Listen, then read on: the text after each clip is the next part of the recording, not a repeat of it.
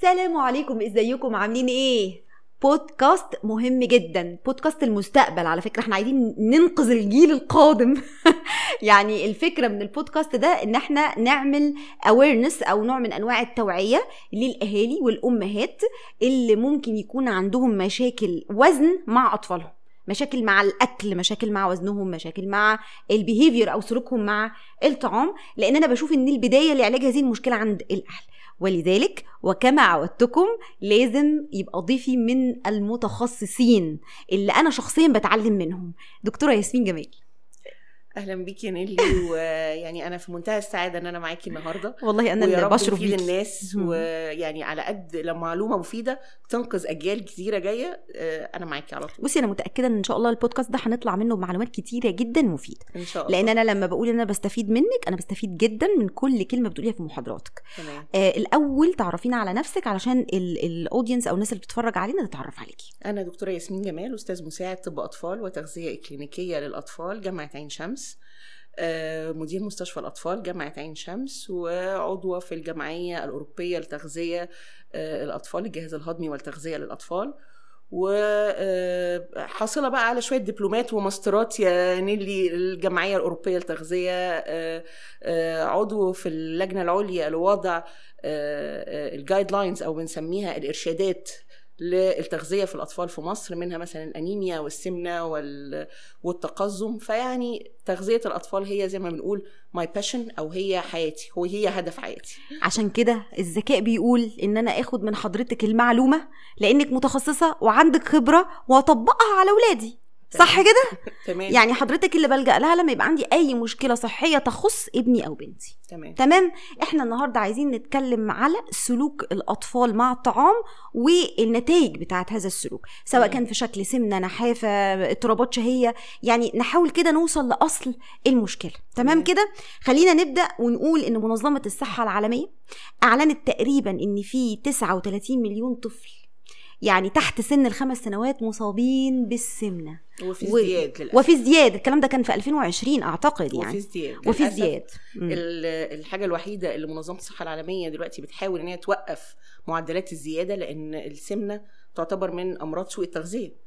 وهي دلوقتي الحقيقة بتأوفر باور أو بتزيد جدا عن التقزم وسوء التغذية لأن معدلاتها في ازدياد سنويا في كل دول العالم. معلش يستوقفني إن حضرتك بتقولي السمنه آه. سوء تغذية؟ آه طبعا. إزاي ده فرط تغذية؟ ده أنا بأكله كتير عشان كده بيتخن. ما هي سوء التغذية إحنا بنعتبرها زي ما بنقول الأمبريلا الكبيرة تحتيها الطفل اللي عنده نقص في الوزن الطفل اللي عنده تقزم الطفل اللي اللي عنده سمنة أو زيادة في الوزن كل دي الطفل اللي عنده أنيميا الطفل اللي عنده نقص في أي فيتامينات أو معادن كل ده يقع تحت زي ما بنقول شمسية كبيرة مم. اسمها آه سوء التغذية. يعني ده مش عز؟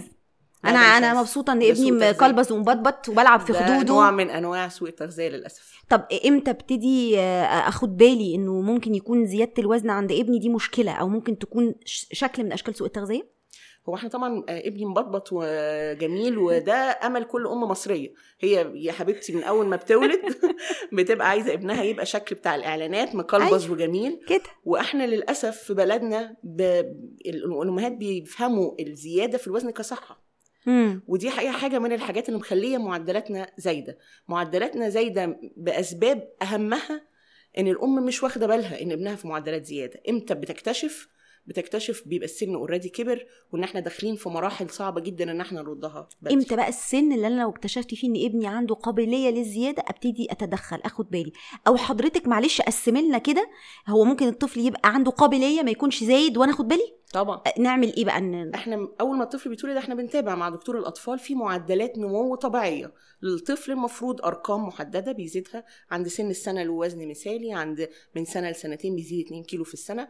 عندنا عند سن السنتين كل الأطفال بلا استثناء. يروح لدكتور الأطفال بيعملوا حاجة اسمها مؤشر كتلة الجسم أو اللي هو قياس الدهون في الجسم. وبيتحط على منحنى الأطفال ويبقى عندنا المرحلة الأولية اللي هي على المنحنى ده بتترجم إن هو هذا الطفل أكثر عرضة أو عنده قابلية لزيادة في الوزن أو السمنه اذا المتخصص هنا هو اللي بياخدني بالي. الأطفال. آه. حط ال BMI أو مؤشر كتلة الجسم عند سن السنتين لكل الأطفال وشوفنا إحنا فين. إحنا فين مم. في ال curve.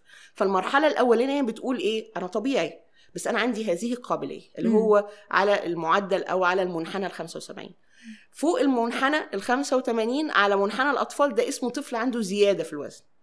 وبعد كده المرحلة الأخيرة اللي إحنا الحقيقة يعني ما أحبش أشوفها في أطفالنا إن إحنا عندنا سمنة لأن إحنا وانس وصلنا لسمنة بنبقى معرضين لكل المشاكل والمضاعفات من سمنة الأطفال معلش لتبسيط هذه المعلومة معنى كده إنه أي أم عندها طفل لازم تتابع مع طبيب متخصص أطفال. تمام. ولو ما عندهاش إمكانيات مادية تعمل ده هل مثلا في الوحدات الصحية أو كده في تخصص الأطفال والمتابعة؟ الأولية آه،. كل طفل مصري معاه كراسة ال- الولادة بتاعته فيها منحنيات النمو دي. أيوه. تروح تقيس الوزن والطول هم بيعملوا لها مؤشر كتلة الجسم. في مبادرات رئاسيه دلوقتي في سن أطفال المدارس. مم. إحنا لما ال- المسح اللي بيتعمل علشان يطلع الأطفال عندها سمنة بنبعت كروت للأهل الأهل بيتخضوا.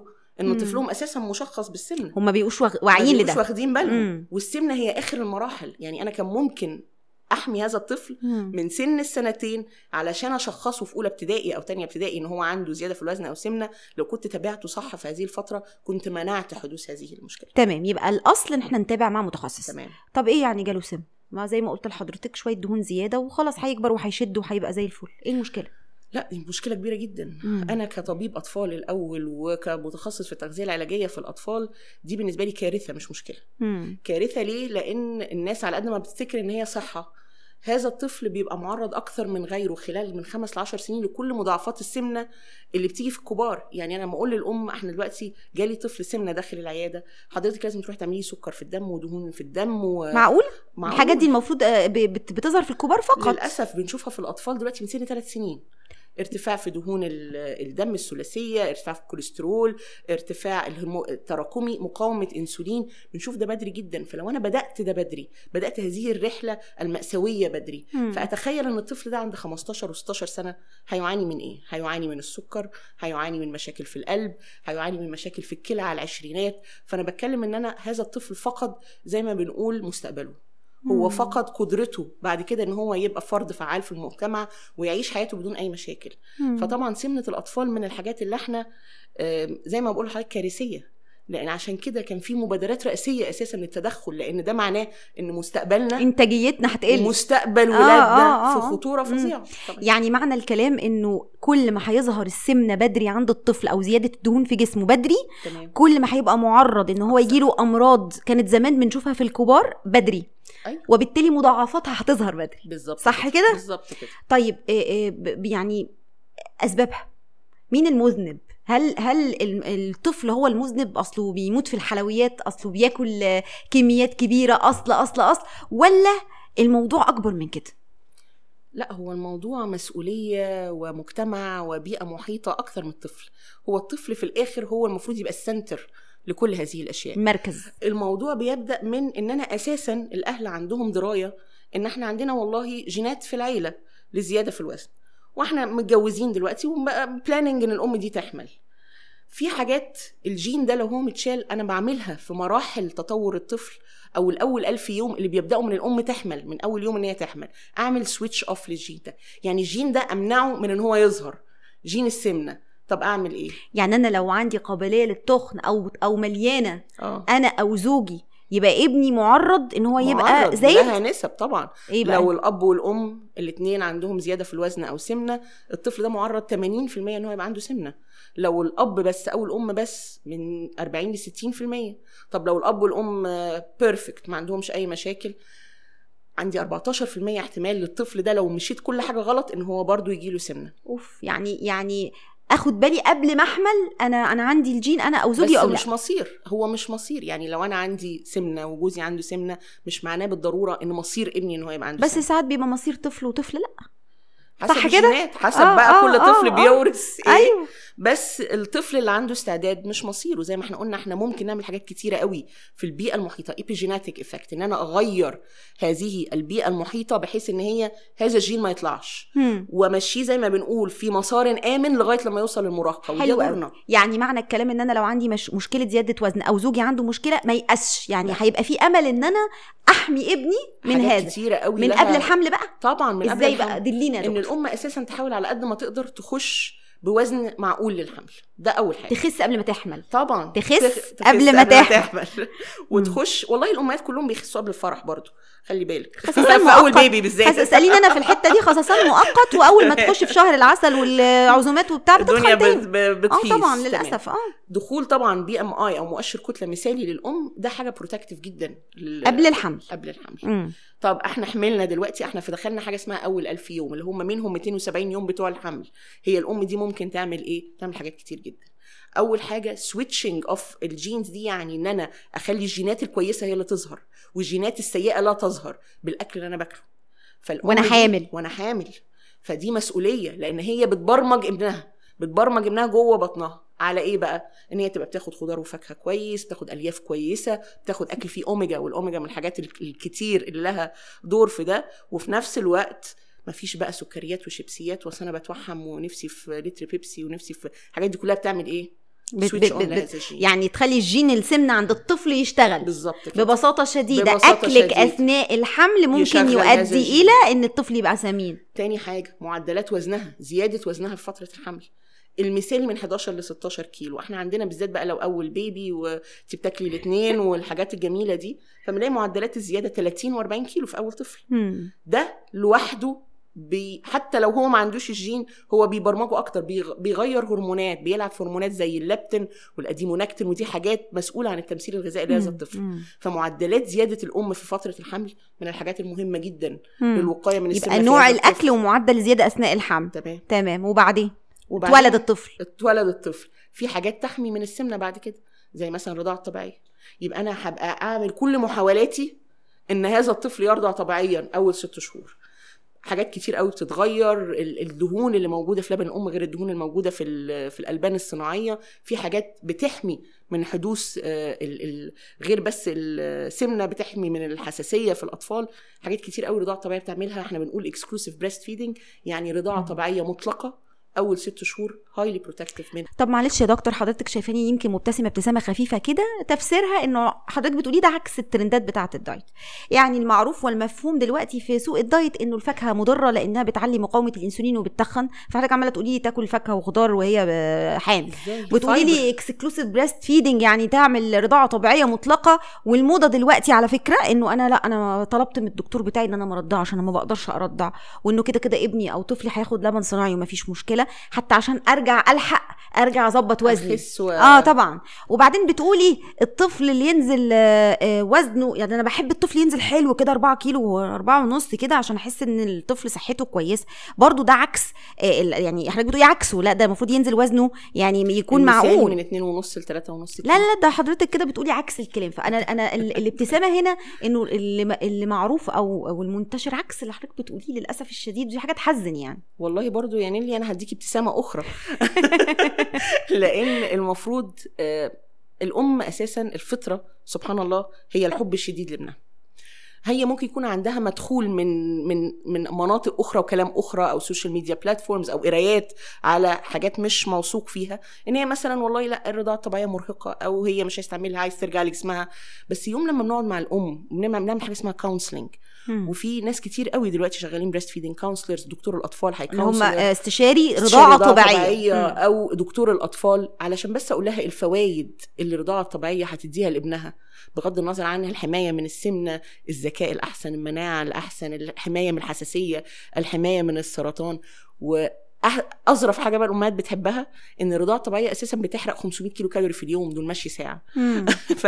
فلازم الأم تبقى فاهمة ده. لما الأم تفهم إن ده أحسن choice لابنها وأحسن اختيار هي بتصر عليه وبتحاول معانا وبتحاول على قد ما تقدر. تمام. فهي الفطرة إن هي عايزة ترضع طبيعي. ساعات البيئة برضو تضغط عليها إن هي لأ يعني إحنا مش عايزين نرضع طبيعي fiber مهمة جدا. للأم الألياف. والطفل. الاليف الألياف مهمة جدا في مم. الأكل مم. سواء عن طريق الفاكهة والخضار دي المفروض حاجات أساسية. أو الحبوب. أو كامل الحبوب. مم. أو الحبوب. طيب يبقى تلخيصا للي فات أنت عندك جين السمنه قبل ما تحملي يعني لازم تظبطي وزنك تخشي بوزن أحسن شوية تخسي على قد ما تقدري ما تستعجليش بعد الجواز إنك تحملي على طول عشان تطمني على نفسك. الحاجة التانية وأنت حامل لازم زيادة الوزن تبقى معقولة مناسبة.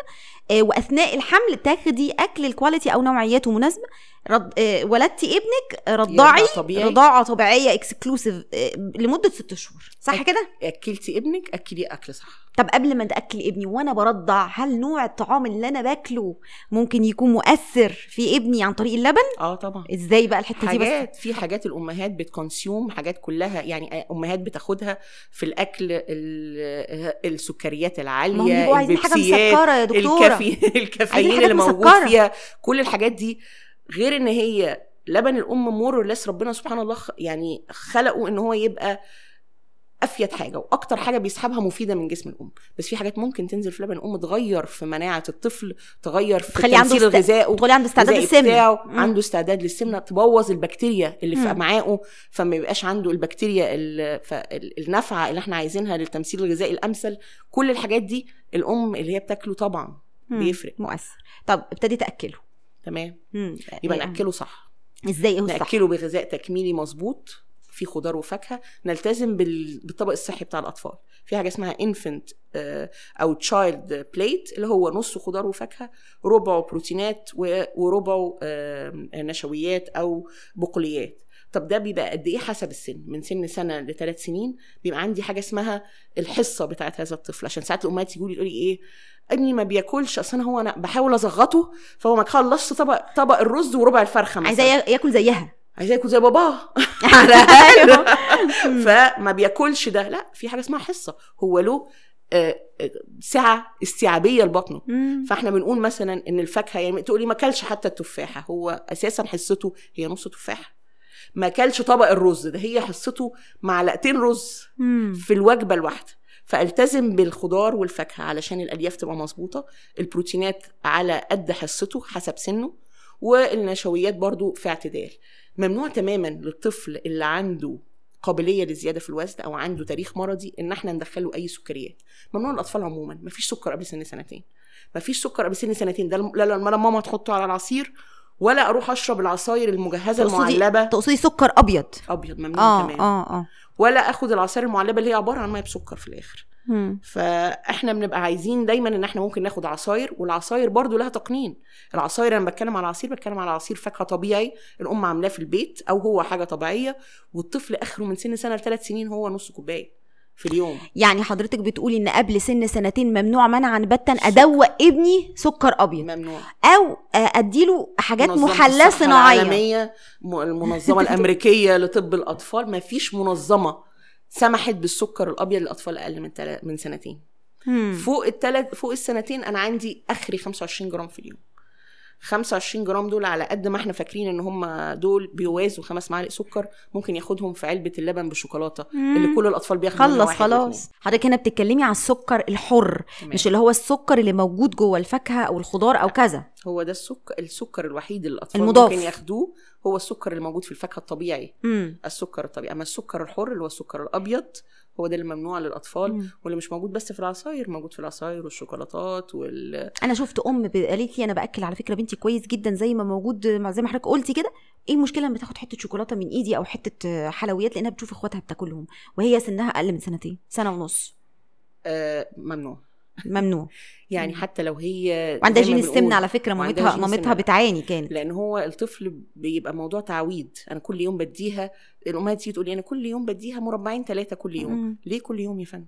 يعني ليه أنا كده بعودها وبعود المخ بعمل له بروجرامينج ببرمجه إن هو. لازم يخش لازم. يخش له آه. أنا دايما بقول الحاجات دي خليها دايما على اللي هو أنا في موقف أنا مجبرة فيه على ده مع أطفال أخرى لاقوهم كلهم مش حاجة بس برضه مش قبل. سن سنتين مش قبل سن سنتين صح بعد كده؟ سن سنتين ممكن يعني زي ما بنقول ال- الحلويات على سبيل التجربة على استحياء في موقف لازم أنا ما تبقاش متاحة أما مش كل يوم أنا شارية ومش مخبية ومش حاطة في التلاجة ومش كل يوم بابا بيخش بشنطة مليانة من السوبر ماركت شوكولاتات وحلويات. كل ليه؟ ما أنا هطلب من ابني بدمر البيئه لا لا هطلب من ابني يبقى عنده إرادة وياخد من العلبة دي مرة. ما عندهمش إرادة ودي برضو يعني حاجة إيه؟ يعني إيه؟ معلش اقفي كده بعد بعد إذنك. الأم بتيجي تقول لي أنا حطيت العلبة الشوكولاتة في التلاجة وإحنا اتفقنا إن إحنا هناكل مرة واحدة في الأسبوع.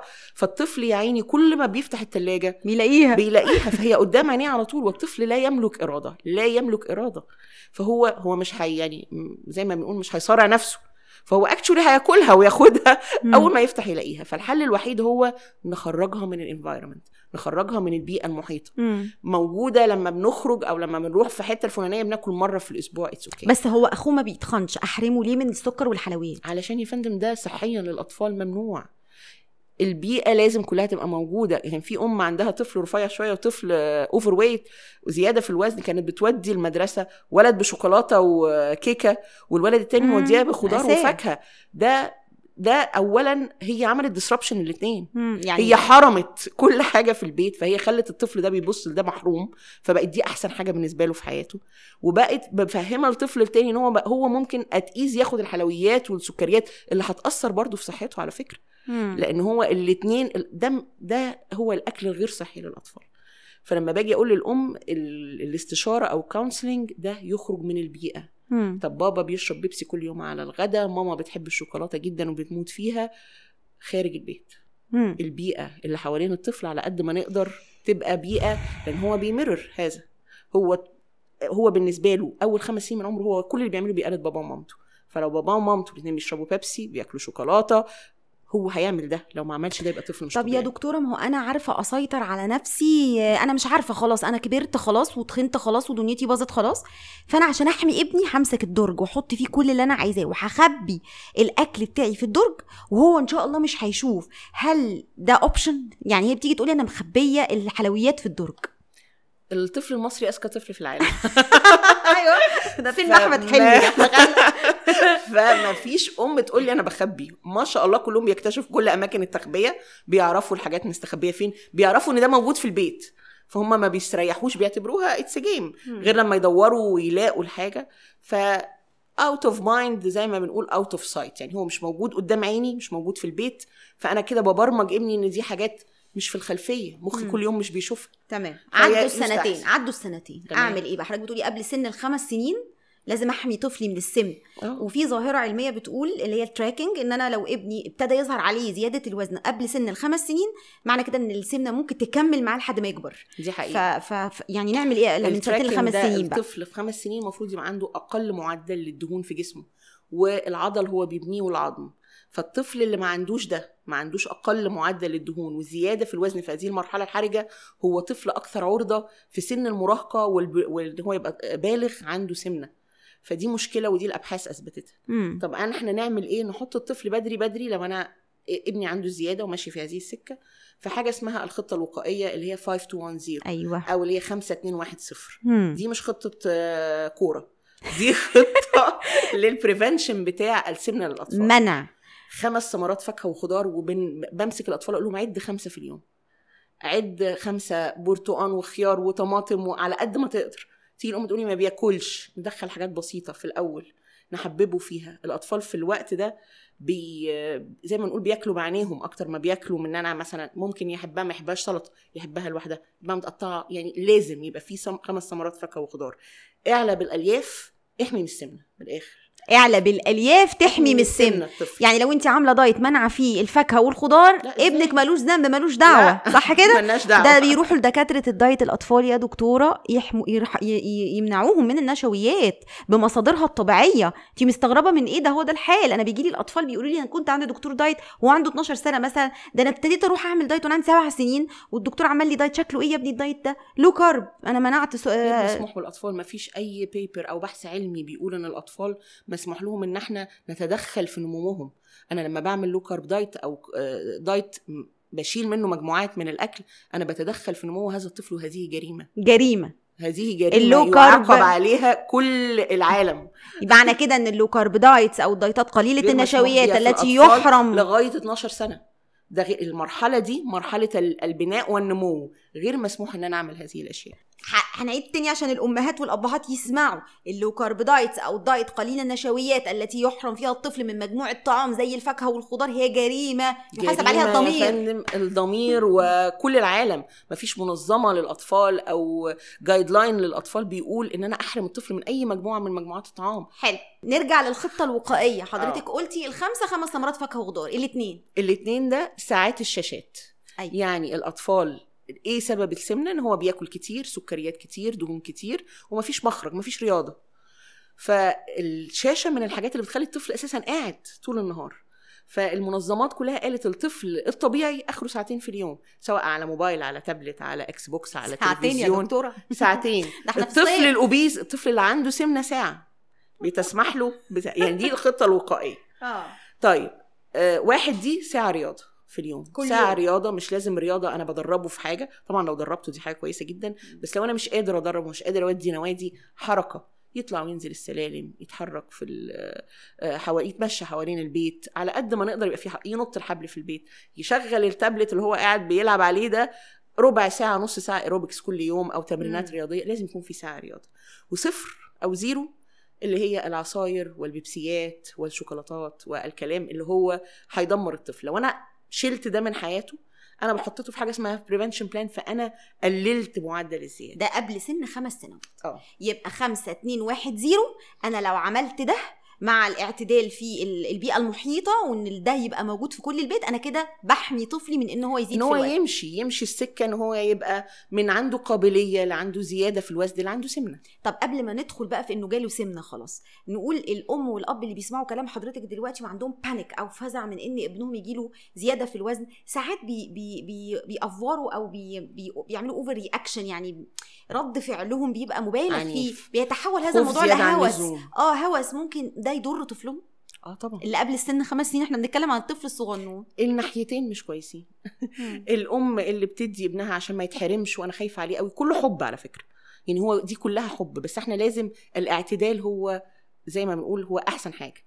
الأم اللي بتدي ابنها عشان خايفة إن هو يتحرم فبتدي له كل حاجة هو نفسه فيها والأم اللي خايفة قوي ابنها إن هو يمشي في هذه السكة عشان هي شافت مثلا أو هي نفسها كانت زيادة في الوزن وبتعاني فتبتدي تحرمه من كل حاجة. طب ما الحرمان ده بيبرمج الطفل برضو إن دي أحلى حاجة في الدنيا. أي هدفي. إن الشوكولاتة دي أحلى حاجة في الدنيا. فيوم لما ماما تغفل عني ثانية فأنا هاخد. وبعدين هو الطفل بعد شوية اللي أنا عودته عليه هيجي في المدرسة هيواجه إن هو عنده هذا القرار. هو معاه فلوس دلوقتي فهيجيب الحاجة اللي هو محروم منها طول حياته. هي ويل. وبالعكس دي ممكن تبقى أكتر حاجة بالنسبة له مشتهاة. الاعتدال هو أحسن حاجة. تمام. يبقى هو من سنتين لخمس سنين اعتدل و- ولما يعرض لمغريات أبتدي إن أنا أديها له بتقنين؟ أديها له بتقنين. آه. يعني إحنا والله يوم الجمعة مثلا إحنا بناكل آه، كيك وتورتة وما يعني نقنن على قد ما نقدر. هو طفل في كلنا الآخر. يا فندم. كل البيت. البيئة. مم. الطفل سكته هي البيئة المحيطة بيه. مم. ماما وبابا مش ماما وبابا بس تيتا وجده لأن الأطفال بيروحوا لتيتا وجده. واصحابنا وإخواتي الكبار وإخواتي اخواتي الكبار اللي بيجيبوا وبيخشوا بالحاجات دي كلها. طب أنتوا بتقولوا لي ليه أنا ما ينفعش أخدها؟ فالبيئة على قد ما نقدر نعمل بروجرامنج للبيئة فاحنا حمينا الطفل مشيناه في السكة الصح. تمام. خلصنا الحماية.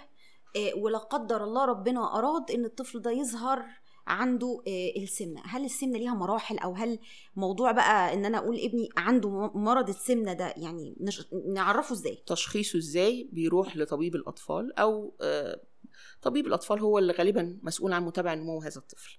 فبنشوف الوزن والطول بنشوف مؤشر كتلة الجسم يتحط على المنحنى.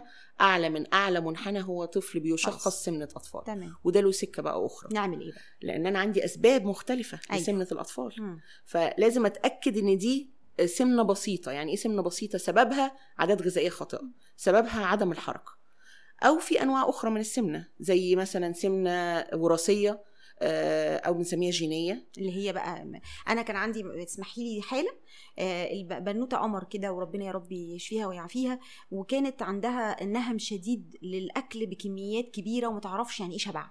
لدرجة إن الأم كانت بتشتكي إن البنت بتخطف الأكل من إيدين صحابها في الحضانة فإحنا تعاملنا مع الموضوع على إنه سمنة بسيطة مشكلته في العادات وإنه الأم مهووسة بعدم زيادة الوزن وهكذا ولكن آه، طبيبة الأطفال اللي بتتابع الحالة شكت في إنه طبعا. يبقى ممكن في مشكلة جينية عند هذه الطفلة. وفعلا اتعمل لها وطبعا هي الطبيبة اللي أشارت إنه في علامات تدل على إنه الطفلة آه، زي مثلا حضرتك أدرى مني طبعا إن هي short stature شوية أو آه، طولها أقصر من آه، في حاجات بتشككنا. آه آه. إن السمنة دي يا جينية أيوه. يا بسبب غدد. تمام. أشهرها إن الطفل الطفل اللي زيادة في الوزن أو عنده سمنة بيبقى طفل طويل عاده أطول من زمايله وأقرانه في الفصل. اللي هي السمنة البسيطة اللي من العادات. آه صح السمنة كده؟ البسيطة. يوم لما آه. يجي لي طفل قصير وعنده سمنة بشك أكتر في أسباب جينية أو أسباب غدد. آه هي. شكت.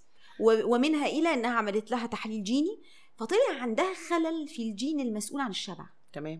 هي البنت ما عندهاش أي حاجة غير كده إن تمام. هذا الجين لا يعمل بشكل لائق وبالتالي طبعا حضرتك عارفة وده إحنا نتطرق ليه إنه حلها مش بس دايت و حلها. متخصص هي آه. هتبقى محتاجة دكتور غدد أطفال دكتور تغذية علاجية أطفال متابعة مستمرة لأن بيبقى التدخل مختلف. تمام. يبقى ده الأسباب الجينية. يبقى أنا لو لقيت ابني أو بنتي آه، زي ما حضرتك بتقولي كده ممكن يبقى أقصر من قرنائه ومصاب بالسمنة أودي على طول على دكتور أطفال غدد صماء وأشوف معاه إيه المشكلة. بالظبط صح كده؟ إيه تاني مم. ممكن يكون غير الغدد؟ إن هو يبقى عنده حاجة متلازمة زي ما قلنا جينية مش. بس يكون عنده نم يعني آه، زي ما بنقول شره في الأكل أو على طول جعان بزيادة عن اللزوم يعني مم. الأطفال دول بيبقوا بياكلوا 24 ساعة أيوه فده اللي يشككني عشان ساعات في أمهات تيجي تقول إن هو بياكل كتير بياكل كتير ده لها ليميت إن هو يكون عنده أي حاجات أخرى يعني عنده مثلا الذكاء أقل شوية من أقرانه عنده مشاكل في عينيه عنده مشاكل في إيديه أو رجليه دي حالات حاجات خاصة. متلازمة. آه حالات خاصة. طيب آه، في أسباب آه، آه، يعني ليها علاقة بالمخ أو يعني أي اختلال برضو في الغدد أو الهرمونات مم. ده متخصص من الأول طيب. بيبقى عنده أعراض أخرى بيبقى عنده مشاكل أخرى غير السمنة يبقى في. الأصل نروح لمتخصص وهو اللي يشخص اتشخصنا. simple obesity يعني السمنة اللي تنتج اللي عن هي 95% من آه، بالظبط الحالات كده تنتج عن إن أنا باكل كتير وبتحرك قليل فتخنت وطولت تمام إيه العمل بقى يا دكتور العمل بقى والراحة كده والنبي أول حاجة الحقيقة ورسالة لازم الأمهات كلها تعرفها إن أنا الطفل طول ما هو عندي بسمنة بسيطة من غير أي مضاعفات وإحنا قلنا مضاعفات ال- السمنة كتيرة. الهدف مش إن أنا أخسس هذا الطفل لأن إن أنا يحصل لي فقدان في الوزن الفقدان بيبقى من الكتلة العضلية لهذا الطفل وده بيأثر على نموه ده غير مسموح بيه. أنا دايما البودكاست بتاعي بيعمل مشاكل وجدل. ليه؟ حضرتك بتقولي إن الأم اللي ابنها أو بنتها بيعاني من السمنه تروح للمتخصص وتدفع فلوس وتمشي على نظام غذائي والطفل يتحرك وما تلاقيش على الميزان نزول في الوزن. آه. وده أول حاجة بقولها للأهل لما بيجوا يقعدوا معايا. لا تتوقع لو أنا خسسته أنا ليا حتى limits وفي في أحوال خاصة. الهدف هو إيه؟ weight maintenance يعني الثبات على الوزن. الثبات على الوزن ليه؟ ده مختلف ليه عن فكرنا إن ال diet لازم يخسس. الثبات على الوزن ده الطفل بينمو. يوم لما أسهل حاجة في الدنيا تدي نظام غذائي منخفض السعرات الحرارية للطفل وأنا شفت أطفال بيخسوا بال 20 كيلو في الشهر. أوف. بس للأسف تدمير كامل مم. ل- للكتله العضل بتاعت هذا الطفل تدمير كامل لصحته نمو نمو أنا. عرضته زي ما بنقول لتروما في وسط حياته ده غير مسموح بيه عشان كده الثبات في الوزن هو آه، الوسيلة المثلى ليه ما أنا لو أنا أساسا زدت في الوزن ليه عشان أنا في السنة بدل ما بزيد 2 كيلو أنا في السنة زدت 7 كيلو فيوم لما أنا أثبت أو 10 كيلو فيوم لما أثبت في معدل هذه الزيادة والطفل في السنة بيطول من 6 ل 8 سم كأني خسيت 10 كيلو في السنة. فجاست ثبات الوزن إنجاز. وأنا بقول للأهل إن إحنا لو لو نجحنا لتثبيت الوزن دي أول لقطة. أنا مش عايزة أشوف خسسان بالعكس أنا عايزة إن إحنا نثبت نجحنا إن إحنا ما نزيدش جرام عن الوزن اللي حضرتك طب في limit. للوزن اللي إحنا بنبقى متوقعين إنه يثبت ده؟ ولا حضرتك بتتكلمي عن وزن مفتوح؟ لا ما في طبعا ما في كل حاجة لها limit مين الأطفال اللي أنا ببقى عايزة بقى يحصل فيهم فقدان في الوزن؟ أيوه. الأطفال من 6 ل 11 سنة بس يكون عندهم مضاعفات عنده سكر عنده مقاومة إنسولين عالية عنده دهون ثلاثية عالية في في الجسم. ده طفل معرض ل- زي ما بنقول رحلة بقى المضاعفات تبقى سريعة. فده طفل مسموح لي إن أنا أخسسه. طب مسموح لي أخسسه قد إيه؟ أيوه. نص كيلو في الشهر. كم؟ نص كيلو يا في الشهر. دكتورة. مش أنا اللي بقول منظمات الامريكيه لطب الأطفال وال International Obesity Task Force وكل المنظمات كل ال guidelines لا تسمح بأكتر من هذا. للطفل. ليه؟ أنا خايفة على نموه ده طفل بينمو في يعني حضرتك بتقولي إن الطفل لحد من 6 ل 11 سنة يثبت في الوزن طالما ما فيش أمراض مصاحبة. يثبت في- والأم اللي تنجح في تثبيت هذا الوزن. آه. وخلال ست شهور هتشوف إنها اتغير تماما لأن ست شهور هيزيد 6 سنتي. كأنه خس بالظبط بس هي ثبتت طيب عنده آه، مضاعفات أو عنده آه، تعرض لأمراض معينة ينزل نص كيلو شهريا. بالظبط صح كده؟ إحنا كده صح؟ كده. من بعد 11 سنة. من بعد 11 سنة أنا مسموح لي لو عندي طفل عنده سمنة أو مراهق عنده سمنة بمضاعفات إن أنا أخسسه كيلو في الأسبوع.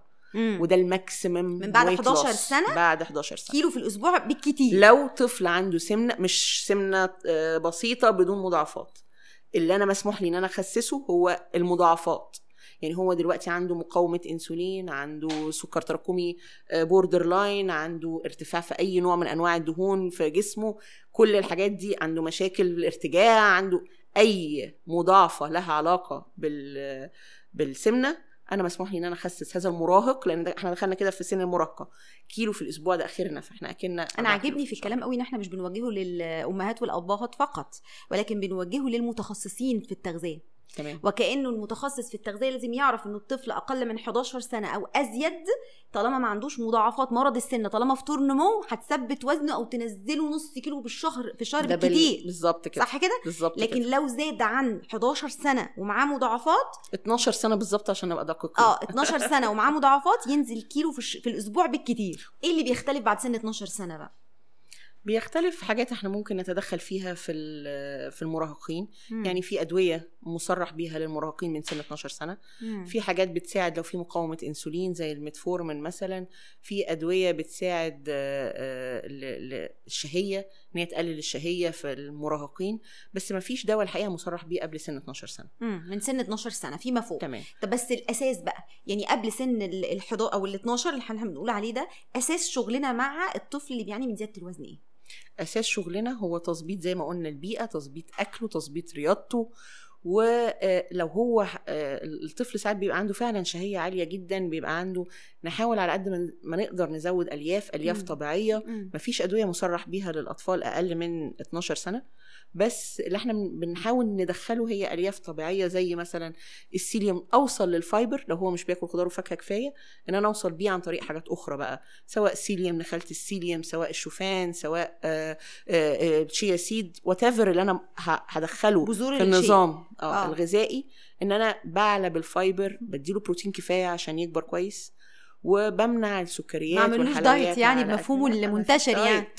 طب ما قللش. السعرات عن اللي هو محتاجه؟ ممنوع تقليل السعرات تماما أقل من 12 يا سنه فندم ممكن هدخله في معادلة وأطلع السعرات واقلل 500 سعر اشمعنى إحنا الكبار بنعمل كده؟ جريمة جريمة في حق الطفل الطفل محتاج ياخد كفايته من السعرات عشان نموه كويس هو الطفل اللي أساسا عنده سمنة لما بنيجي نحسب له السعرات اوليا بيطلع ان هو خد تيجي الام تقول ما بياكلش يا دكتور.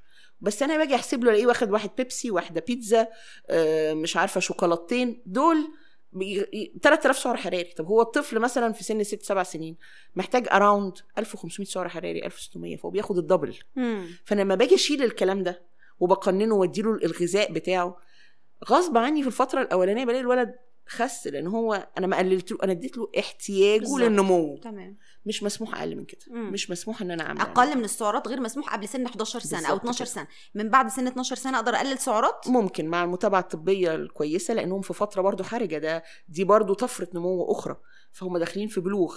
فغير مسموح إن أنا اخش لي سوق تغذية سواء بقى إن هو هيعمل وهو السن ده بيعملوا بقى هم دايتات مع آه نفسهم طبعا للأسف وبسمع بقى رجيم الماء ورجيم الهواء وحاجات غريبة جدا.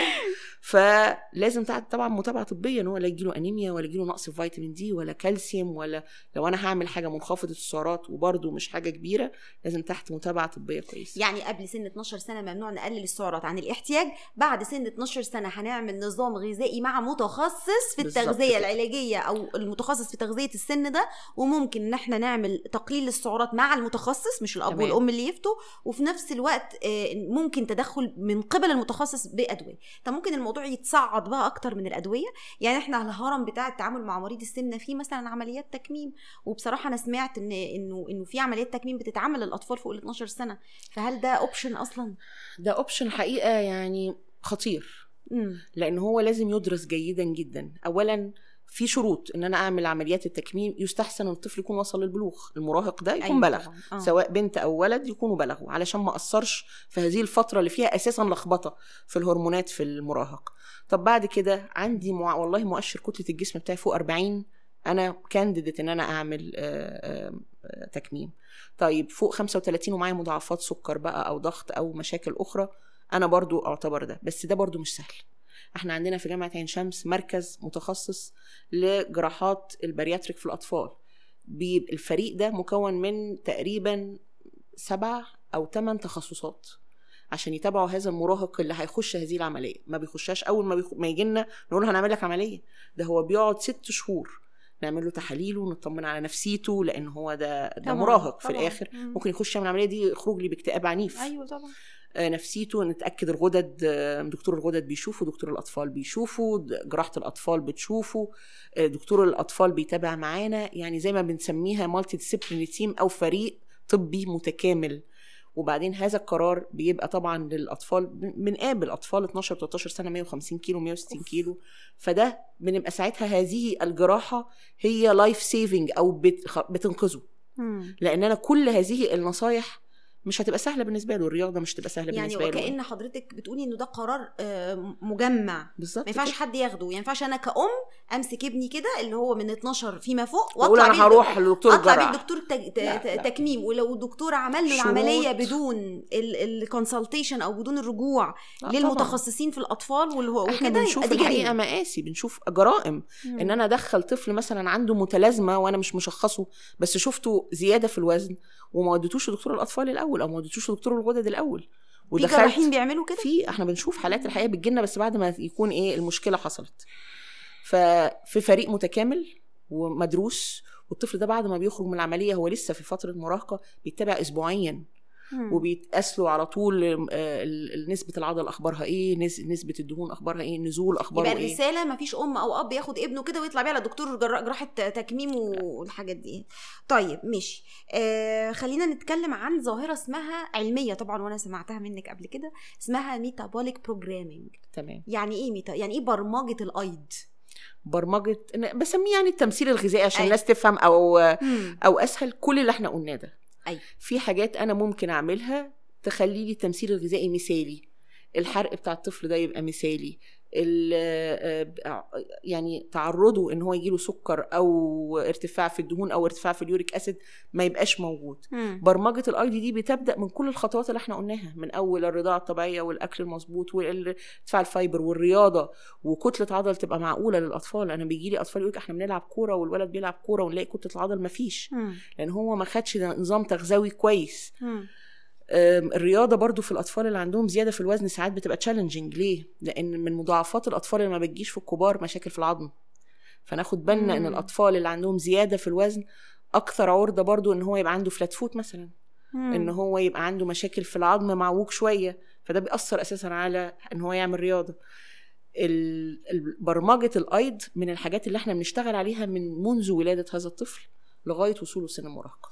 طيب يعني إحنا نقدر بقرار وبتغيير نمط حياة وطريقة عيشة لينا كلنا إن إحنا ننقذ ولادنا أو حتى بعد ما يظهر عليهم السمنة إن إحنا نبرمج هذا الطفل. نبرمج هذا الطفل آه طيب آه، الحياة ضاغطة والولاد معرضين لكثير من الضغوطات النفسية والعصبية منها متطلبات الأهل وال- والمعايير اللي هم بيحكموا عليهم بيها يعني وفي حاجات كتير جدا بتخلي الطفل أو المراهق ما بينامش كويس مثلا يعني يا إما يكون عنده مشاكل في النوم يا إما هو عبال ما بيدخل في النوم بياخد وقت طويل أو يكون المغريات اللي حواليه بتخليه ما ينامش. هل النوم له علاقة بصحة الطفل والمراهق وكمان بالسمنه عارفة يعني ليه النوم ده أهم حاجة في حياة الطفل؟ عارفة ليه؟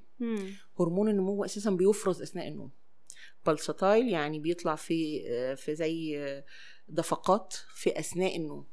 فالطفل اللي ما بينامش كويس ده اولا طفل مش بينام كويس. يعني أنا الطفل اللي مش بينام كويس بلاقيه عنده يا إما سوء تغذية قلة في الوزن لأنه هرمون النمو مش شغال كويس أو ما بينامش كويس فالجسم سبحان الله ال biological clock أو الساعة اللي ربنا خلقنا بيها المفروض ننام بالليل ونصحى بالنهار مش مظبوطة فالجسم يحس إن ده stress ضغط stress. فأول الضغط ده الجسم بيفسره يعلي الكورتيزول فنلاقي الأطفال أكثر عرضة للسمنة. just عشان هو مش بينام كويس. يعني قلة نوم وتعلي الكورتيزول هرمون اللي هو هرمون التوتر. لأنه الجسم بيفسر قلة النوم على إنها نوع من. أنواع التوتر تمام. فالطفل يتخن. بالظبط كده. يعني في علاقة ما بين قلة النوم دي ب- مثبتة بكل الأبحاث. تظبيط ساعات النوم. بنتكلم مثلا لو بنتكلم في أطفال المدارس من 6 ل 12 سنة إحنا بنتكلم على الأقل 8 9 ساعات نوم في اليوم. وفي ساعات النوم.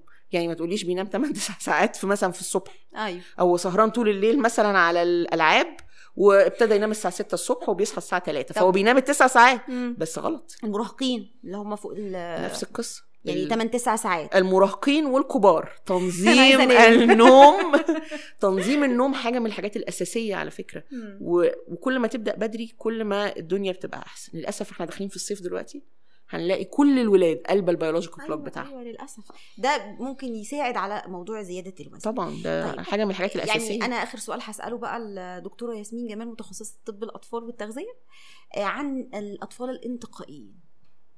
بمعنى معلش بمعنى أنا عارفة إن هو سؤال ممكن يكون إجابته عميقه دي محتاجة ولكن- بودكاست آه تاني بس يعني بس هي الفكرة إن أنا سمعت منك معلومة أنا نفسي نصدرها من خلالك إنه في أمهات كتير بيتكلموا على إنه الطفل الانتقائي ده ممكن يكونوا بيحكموا غلط إن هو طفل انتقائي هو مش انتقائي ولا حاجة إن هو مثلا اعتمادي على أصناف معينة في اليوم ومن بعدها ما بيرضاش ياكل تمام. مثلا فأنا سمعت منك معلومة قبل كده قلتي فيها إنه السنتر أو مركز الشبع في المخ عند الطفل بيتمرج بيتمرمج على عدد سعرات حرارية معينة. احتياجاته ده حقيقي. دي- دي فهميها لنا معلش.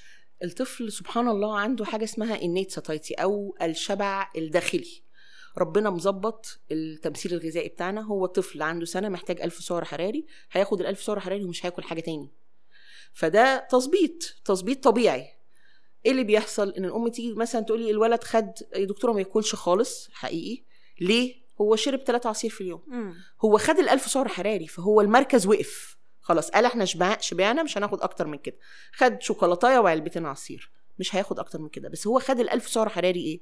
بنسميهم سعرات حرارية خالية. خاليا ما فيهاش لا لا حاجة تساعد على نموه ولا أي حاجة شبعته. لا كل خضار ولا فاكهة ولا خد آه، نشويات ولا خد بروتينات علشان ينمو. هو بياخد سكريات تحول دهون. وهل ممكن يعني يكتفي بدول من في الأيام بقى المقبلة خلاص أنا اعتمادي على ده اللي طعمه حلو واللي بسطني فببقى عايزه تاني ادكشن بقى بالظبط بنخش. بقى في مرحلة الإدمان يبقى هو الأصل في عرض أصلا الحاجات ال- اللي سعراتها عالية دي على الطفل كده، وممكن ما يكونش في. الأصل انتقائي لا. صح كده لا. طيب أنا مش هخش في تفاصيل الطفل الانتقائي ولكن إذا أنا شاكة انه طفلي انتقائي أتوجه لمين طبيب الأطفال اولا أو طبيب متخصص في تغذية الأطفال علشان أشخص أساسا هو انتقائي ممكن يتعالج آه طبعا كل ما؟ تدخل بدري أيوه كل ما أنا ممكن أغير هذا السلوك لأن هو الانتقائي في جزء وراثي 30% ممكن آه. تبقى الأم والأب انتقائيين مم. وفي جزء له علاقة سلوكي أو behavioral فالسلوكي ده أنا ممكن لو تدخلت بدري بدري وعرضت دايما كتير إحنا بنقول الطفل دايما ما بيبقاش عايز الأصناف الجديدة من الأكل إمتى أعرض إزاي وأعرض كم مرة عشان أقول إن هو ده انتقائي ده بودكاست تاني. أيوه. بس كل ما تدخل بدري كل ما نتائج الطفل الانتقائي تبقى عندي بدري اللي. هو قبل سن قبل؟ خمس سنين. قبل خمس سنين. جالي طفل في سن المدارس انتقائي ما بياكلش لحمة ما بياكلش خضار ما بياكلش بيبقى صعب قوي تغييره. بيبقى ساعتها الخطة هدفها تعويض النقص. يعني روحي اطمني لو انت شاكة إن ابنك انتقائي ممكن ما يبقاش بدري انتقائي أصلا وانت شا... آه، تعاملك معاه خاطئ أو سلوكه آه، آه، حصل ده لأن انت بتعرضي عليه الأكل عالي السعرات أو ممكن تكون أو هو اتعرض. عليه حاجات وهو يستريح فيها بياكل بطاطس محمرة وبيشرب عصير آه آه آه. فخلاص وهو الام عايزاه ياكل فهي بتعرض له اللي هو بياكله. أيوه. لما تيجي تجرب له حاجة تانية بيرفضها. مم. شوية بشوية هو خلاص بيتبرمج على هذه الأصناف مم. وبينسى الحاجات التانية بتختفي من المخ أساسا. اتدخلي قبل سن خمس سنين. آه لازم. صح كده؟ بدري بدري. طيب يعني رسالة للأب والأم اللي ولادهم بيعانوا من زيادة الوزن أو خايفين إن هم يزيدوا في الوزن. ابعت لهم رسالة كمتخصصة وعندك باع وخبرة طويلة في هذا التخصص لأن أنا تعبت وحياة ربنا. أنا تعبت. دايما أنا بقول الوقاية خير من العلاج. فأحط ابني بدري بدري على الخطة ابنك على ما تعوديه دي حقيقة. فلو أنا حطيت في الروتين بتاع ابني إن هو الخضار والفاكهة أساسي وماما وبابا بياخدوا خضار وفاكهة وأنت لازم يا حبيبي تاكل وإن إحنا الحاجات دي بنجيبها على استحياء هيجي لما يتحط في موقف إن هو يختار فيه وإن هو هيجيب وهيجرب بس عمرها ما هتبقى عادة. حمايته هي مسؤولية مسؤوليتنا كلنا. من أول المجتمع والمدرسة إن ما يبقاش فيها هذه ال- الأشياء ال- مستحيل. بز... على قد ما نقدر. مستحيل. والأب والأم والجد والجدة كلهم مشتركين في هذه. هي مش مسؤولية هذه الطفل. الجريمة. هي مش مسؤولية الطفل. هي مسؤوليتنا كلنا إن إحنا نعديه إن هو يبقى بالغ صحي والأم كويسة. يبقوا أساسي طب. حصل وخلاص وابني عنده سمنة رسالة من حضرتك؟ نتجه للمتخصص. طبيب الأطفال اولا طبيب تغذية علاجية متخصص أطفال ثانيا يساعدنا ويدينا معلومات صح. لأن أنا الحقيقة بسمع معلومات كتير قوي مغلوطة حاجات كتير قوي بت بتعرض آه، صحتهم للخطر أنا بشوف ناس بياخدوا أدوية قبل سن السنة بتمنع امتصاص الدهون مثلا مأساة بنقص في الفيتامينات عنيف بمضاعفات عنيفة فهو أساسا السمنة لها ما مضاعفات تجربوش في عيالكم فمش يعني. ناقصة مضاعفات بقى مم. سوء تغذية مم. أزيد من كده ونروح لمتخصص أطفال كده. بعده تغذية أطفال مش تمام. دكتور diet الطفل والمراهق ما يعملش diet بمفهومه المعروف صح كده بالظبط كده ننهي البودكاست بأن حضرتك تسأليني سؤال أسألك سؤال بلاش السؤال اللي بيسالوه لي كل مرة السؤال اتبسطتي في الحلقة دي يا نيلي أيوه. ده سؤال جديد من نوع اتبسطت جدا. و... ودايما كل يوم والله من قلبي الكلام بتثبتي لي إن أنا آه، يعني نظرتي ليكي في محلها. انت حضرتك حد جميل وأنا بحبك وبتعلم أنا منك يوم بعد يوم. يا نيلي. ومن أول يوم عرفتك فيه في التخصص بتاعك ده بتبهريني لأن أنا باخد حتة طبعا اللي بقدر آخدها وأشتغل عليها هي ال childhood obesity أو سمنة الأطفال. لكن آه، تغذية الأطفال ومشاكلهم بحر كبير وواسع. وعايزين بس من خلال البودكاست النهارده نرسل رسالة زي ما قلتي إنه لازم الناس اللي عندهم مشاكل تغذية تخص ولادهم يروحوا المتخصص تغذية بالظبط كده. أطفال ويكون طبيب في الأصل. تمام. صح كده؟ أنا انبسطت آه، جدا أنا, أنا معاكي. وإن شاء الله تبقى حلقة مفيدة للناس أو يبقى فيها آه، إفادة إن هي تحمي أطفالنا من كل المشاكل اللي إحنا بنشوفها اللي لها علاقة أكيد ده أكيد. شرفتيني ونورتيني وأنا بحبك. ميرسي يا نيلي. ميرسي. وأنا بحبك برضه.